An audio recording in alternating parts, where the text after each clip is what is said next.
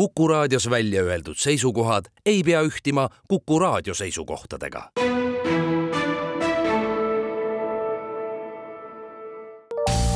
terviseks. saade valmib koostöös Ida-Tallinna Keskhaiglaga. vaata ka itk.ee tere, head Kuku kuulajad, eetris on saade Terviseks ja kui me eilses saates rääkisime vähist, siis tänasel teemal jätkame. mina olen Ingela Virkus ja koos minuga on stuudios Ida-Tallinna Keskhaigla onkoloogiakeskuse juhataja ja onkoloog doktor Helen Mettus, tere taas! tere! Kuidas teile tundub, kas kasvajaid avastatakse täna rohkem äh, läbi sõeluuringus osalemise või äh, juhuslikult äh, millegi muu kontrollis, et tullakse ühe tervisekaebusega, aga tehakse võib-olla siis vereanalüüse ja selgub, et midagi enamat on tegelikult sealjuures,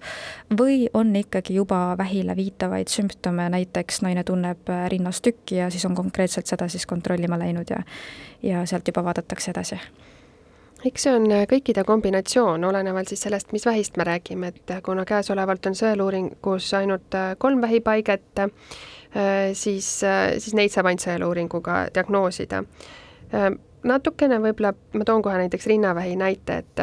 et rinnavähi sõeluuringule kutsutakse naisi vanuses alates viiskümmend kuni kuuskümmend kaheksa eluaastat. ja kui me vaatame neid andmeid, mis vanuses diagnoositakse naistel rinnavähk, siis tegelikult viiskümmend, umbes pooled patsientidest, esmasdiagnoosidest jääb sellest äh, sõeluuringu vahemikust äh, välja, need on kas nooremad või nad on siis vanemad. kui nad on ena-, vanemad patsiendid, siis enamasti nende haigus on vähem agressiivsem, nad ei vaja nii rasket ja karmi ravi,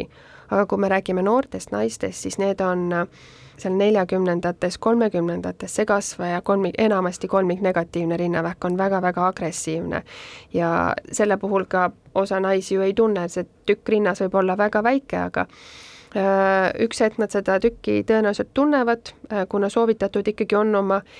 rindu mitte igakuiselt palpeerida, aga et naised oleksid teadlikud, kuidas nende rinnad käituvad ja kuidas, äh, kas seal on midagi ebatavalist, et sümptomitele tähelepanu pöörata, et sellisel juhul kindlasti ka noored naised peaksid pöörduma arsti juurde. aga suureks probleemiks kindlasti on Eestis äh, on vähi varajane avastamine, et patsiendid teiste paikmetega, kui, kui ikkagi mingid sümptomid, terviseprobleemid tekivad ja äh, siis tasuks arstile pöörduda, esmaseks on loomulikult ju perearst, kes vajadusel saab teha esmased uuringud ära, esmased analüüsid ära ja teha e-konsultatsiooni onkoloogile, kui seal vajab täpsemaid äh, uuringuid ja proovitüki võtmist. aga et ka patsiendid ei, ei jääks ootama, et küll see läheb üle, sest kui mingi kaebus valu, ebamugavustunne püsib mitu kuud, siis seda võiks uurida. loomulikult meie kehas toimuvad erinevad muutused pidevalt ja iga valu peale ei pea reageerima ja, ja kahjuks ka väga paljud vähid ju ei anna varajases staadiumis mitte mingeid sümptome ja neid me ei saagi tegelikult äh, väga tihti varajases staadiumis diagnoosida. mis on aeg näidanud, on seda, et äh, ka mu enda patsientide hulgas, kes käivad ühe vähiga kontrollis, äh, need enamasti saavad ju radioloogilisi uuringuid mingi intervalli tagant ja me oleme leidnud sealt teisi vähke, mis on varakult siis avastatud, mis on, mille puhul operatsioon või kiiritusravi on patsiendi täielikult terveks ravinud.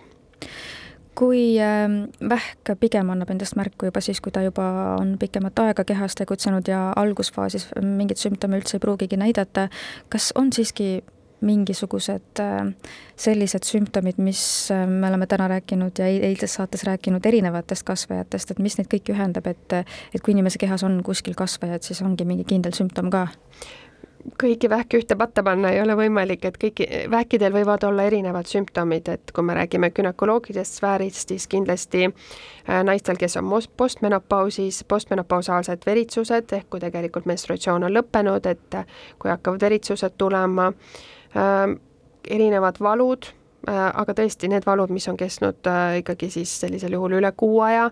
või valud, mis ei lase näiteks öösel magada, väga tugevad valud, kui ikkagi väljakannatamatud valud on, siis, siis loomulikult tuleb ju pöörduda juba erakorralise meditsiini osakonda. köha, veriköha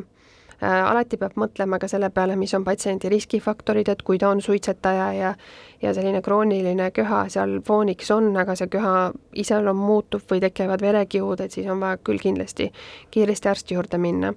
ja võib-olla kõige lihtsamini diagnoositav, mis on silmaga näha, on ju nahamelanoom, mille puhul siis muutunud pigmentlesioon või kiiresti tekkinud ja muutuv pigmentlesioon, selle puhul võiks minna kiiresti arsti juurde, seda saab ka tõesti üksainukese vähki, mida saab varakult diagnoosida, kui ta naha peal on olemas kui ma üldistasin natukene neid sümptome või, või siis füüsilisi kaebusi, siis kas näiteks verepilt analüüse tehes võib näidata, et ükskõik millise vähi kohta või kasvaja kohta siis, et midagi on kehas toimumas, et mingid muutused on või see kehtib ka ainult siis verevähi puhul näiteks? Enamasti äh, vereanalüüs ei anna meile väga palju infot, on olemas erinevad kasvajamarkerid, mida väga, väga paljud patsiendid, mitte üldse vähipatsiendid, vaid üldse inimesed on teadlikud, et veres saab määrata erinevaid kasvajamarkereid, aga need ei ole väga spetsiifilised. ja, ja need varase vähi puhul ei pruugi üldse muutuda. Ja, ja meil on ka palju patsiente, kes käivad, saavad oma vähi tõttu ravi ja nende analüüsid on täiesti korras. Nii et äh, tegelikult verepildi järgi isegi regulaarne vereanalüüsi andmine ei hoia ära või ei anna meile vihjet, ei pruugi anda vihjet selle kohta, et kuskil midagi kasvamas on et sellegipoolest, kui verepilt on ka korras, siis kui tuleb sõeluuringus osalemise kutse, siis tuleb ikkagi osaleda ja kindlasti regulaarselt kindlasti. ka kontrollis käia, kui on mingid, eriti kui on mingid kaebused, aga kui on kaebused või sümptomid või inimene tunnebki näiteks siis rinnas tükki, kelle poole ta võiks esmalt pöörduda? esimene on perearst perearst siis saab teha esmased uuringud juba ära. Ja, ja nagu ma ütlesin, on e-konsultatsioon täna on selline suurepärane võimalus, kus ta saab erinevatele erialaspetsialistidele siis suunata patsiendi kaebused, need uuringud, võib-olla ultraheli on tehtud, võib-olla mammogrammid on tehtud. Ja, ja siis saame meie juba edasi toimetada, kas meie või siis sisearstid või kirurgid või, või mammoloogid, et neid variante on palju ja teiseks muidugi noh, kui rinnas on tükk, siis, siis võib otse või või mingi tunne on rinnas, ebamugavustunne või on äh, rinnast mingi voolus, et äh, siis võib pöörduda ka rinnakabineti, kuhu ei ole saatekirja vaja, kuhu tuleb see aeg ette panna ja saab äh, kohe juba spetsialisti juurde. kui kiiresti täna aga onkoloogi vastuvõtule saaks? Onkoloogi juurde tavaliselt tulevad patsiendid ikkagi siis, kui neil on juba diagnoos olemas. ja, ja kui patsient on käinud läbi äh, konsiiliumi, kus on siis äh, diagnoo-, me vaatame üle selle, need radioloogilised uuringud, vaatame üle histoloogilise uuringu, meil on diagnoos olemas, leviku teame, mis staadiumis kasvaja on, siis et, et alustada raviga, siis see mahub tavaliselt ikkagi kahe nädala sisse, et meil on ka kindlad kvaliteediindikaatorid, mida me jälgime, aga selge on see, et täna on vähiravis on ressurss piiratud, haigestumus tõuseb kogu maailmas, inimesed vananevad, riskifaktorid, inimesed ei ela tervislikumalt ja noh, meie oleme ka ikkagi ainult inimesed, et me küll anname endast maksimumi, aga, aga ka aeg on ka meie jaoks piiratud, et ka meil on ainult kakskümmend neli tundi, aga loomulikult, et patsiendid peavad saama tõenduspõhist parimat ravi ka kiiresti. kui me nüüd siis sammu tagasi astume, te ütlesite, et teie juurde juba onkoloogide vastuvõttu siis jõuavad juba diagnoosidega inimesed. kuidas neid diagnoose siis saadakse või mis uuringuid tehakse, mis, mida küsitakse, mida vaadatakse? Enamasti radioloogilistest uuringutest on siis kompuutertomograaf, kus me saame siis hinnata näiteks kasvaja kauglevikut, magnetuuring rinnavähi puhul vaatame siis seda lokaalset leidu või magnetuuring näiteks maksast või, või pankreasest või kõhukoopast või, või peaajust, äh, mammograaf, ultraheli on, või PET-uuring, siis on, on sellised radioloogilised meetodid ja alati, kui me räägime ikkagi vähist, pahaloomsest kasvajast, siis alati on vaja ka seal seda proovitükki. sest vähke on väga palju erinevaid kui esialgu meile tundub näiteks, et kopsus on metastaas, aga tegelikult see võib olla hoopis algkolle, histoloogiad on erinevad, mis tähendab ka seda, et ravi on totaalselt erinev, et äh, meil on vaja seda võimalikult äh, täpselt teada, mis kasvaja on. tänapäeval on kasvajaravi muutunud väga palju, ta on läinud äh, spetsiifilisemaks,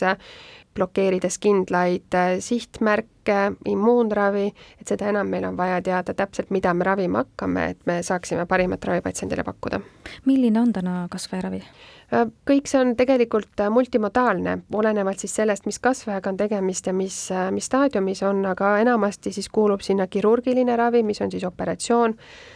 mis on lokaalne ravimeetod, sinna kindlasti kuulub või tõenäoliselt kuulub ka kiiritusravi, mis on samuti lokaalne vähi, vähiravi siis, ja süsteemravi, kas ta on siis veenisisene ravi, klassikaline keemiaravi immuunravi, mis on samuti veenisisene ravi, on ta sihtmärkravi, mis on, võib suukaudne olla, hormoonravi samamoodi suukaudne, nii et ravid on väga palju muutunud, on läinud paremaks, täpsemaks, mis tekitavad patsiendile võib-olla igapäevases elus vähem kõrvaltoimeid kui klassikaline keemiaravi, aga keemiaravil on jätkuvalt väga oluline koht meie onkoloogilises ravis aga saame me ühel hetkel sellise ravimeetodi, ma ei saa vist ilmselt küsida, millal, aga aga ühel hetkel sellise, mis raviks vähist täiesti vabaks inimese, ennekõike siis just kaugele arenenud vähist mm,? no või neid vorme tuleb sealjuures kõrval nii palju muudkui juurde. vähk on et..., vähk on selline väga tark, et kui me ühe tee ära blokeerime, siis ta mingi aja pärast suudab leida selle teise tee, kuidas jaguneda. aga me oleme näinud küll, et immuunravi mis esmasena võeti kasutusele siis äh, metastaatilise melanoomi raviks kaks tuhat üksteist ja ja immuunravi siis äh, avastajad või väljatöötajad on saanud kaks tuhat kaheksateist Nobeli meditsiinipreemia. Immuunravi on kasutusel tõesti praktiliselt kõikides vähipaikmetes, esialgselt kasutasime tõesti ta seda neljandas staadiumis metastaatilises settingus, aga täna aina varajasemas settingus seda tuleb, et ka tervistaval ravil me kasutame immuunravi, aga noh, see on loomulikult äh, kallis, kõikidele see ei sobi, aga kuhu maailm liigub, on tegelikult see, et me saame, kui sõeluuringud, meil on ju kindlad sõeluuringud, mis on rahvusvaheliste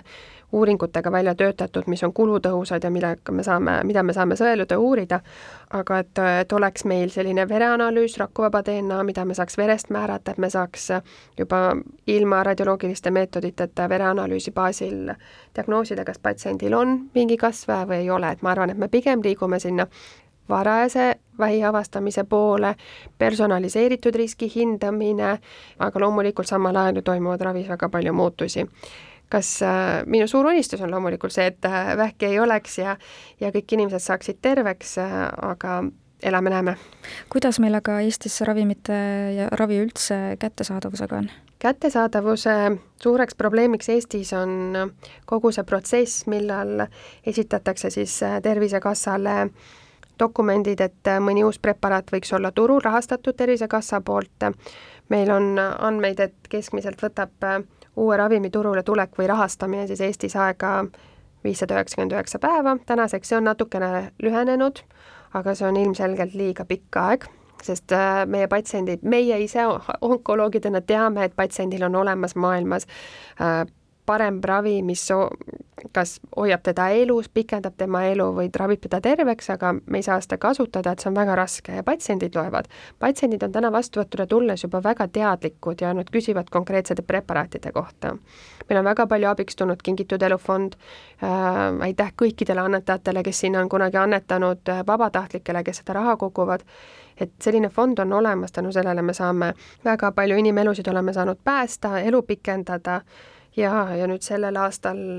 augustikuus oligi täielik rekord, et oli üle neljakümne taotluse kuus oli esitatud, aga nii palju kui võimalik, me oleme kõik, mis on tõenduspõhine ravi, kõik me oleme need heaks kiitnud ja need patsiendid on ravi saanud. Äh, teine probleem on muidugi kiiritusravi kättesaadavus, et äh, täna pakuvad kiiritusravi siis äh, Põhja-Eesti Regionaalhaigla ja Tartu Ülikooli Kliinikum ja Ida-Tallinna Keskhaigla teeb koostööd mõlema haiglaga ja ja, ja suunab kiiritusravivad patsiendid äh, siis antud haiglatesse, aga uuringud on näidanud, et, äh, et meil on karjuv vajadus äh, lineaarkiirendite järgi, kuna patsientide hulk tõuseb ja neid patsiente, kes vajavad kiiritusravi, on tegelikult palju rohkem, nii et äh, me väga loodame, et üks hetk ka Ida-Tallinna Keskhaigla saab omale lineaarkiirendid, et me saame ka sellist multimodaalset ravi oma haiglas pakkuda. loodame, aitäh teile saatesse tulemast, Ida-Tallinna Keskhaigla onkoloogiakeskuse juhataja ja onkoloog doktor Ellen Vettus ning palju jõudu ja jaksu teile! aitäh! terviseks saade valmib koostöös Ida-Tallinna Keskhaiglaga vaata ka itk.ee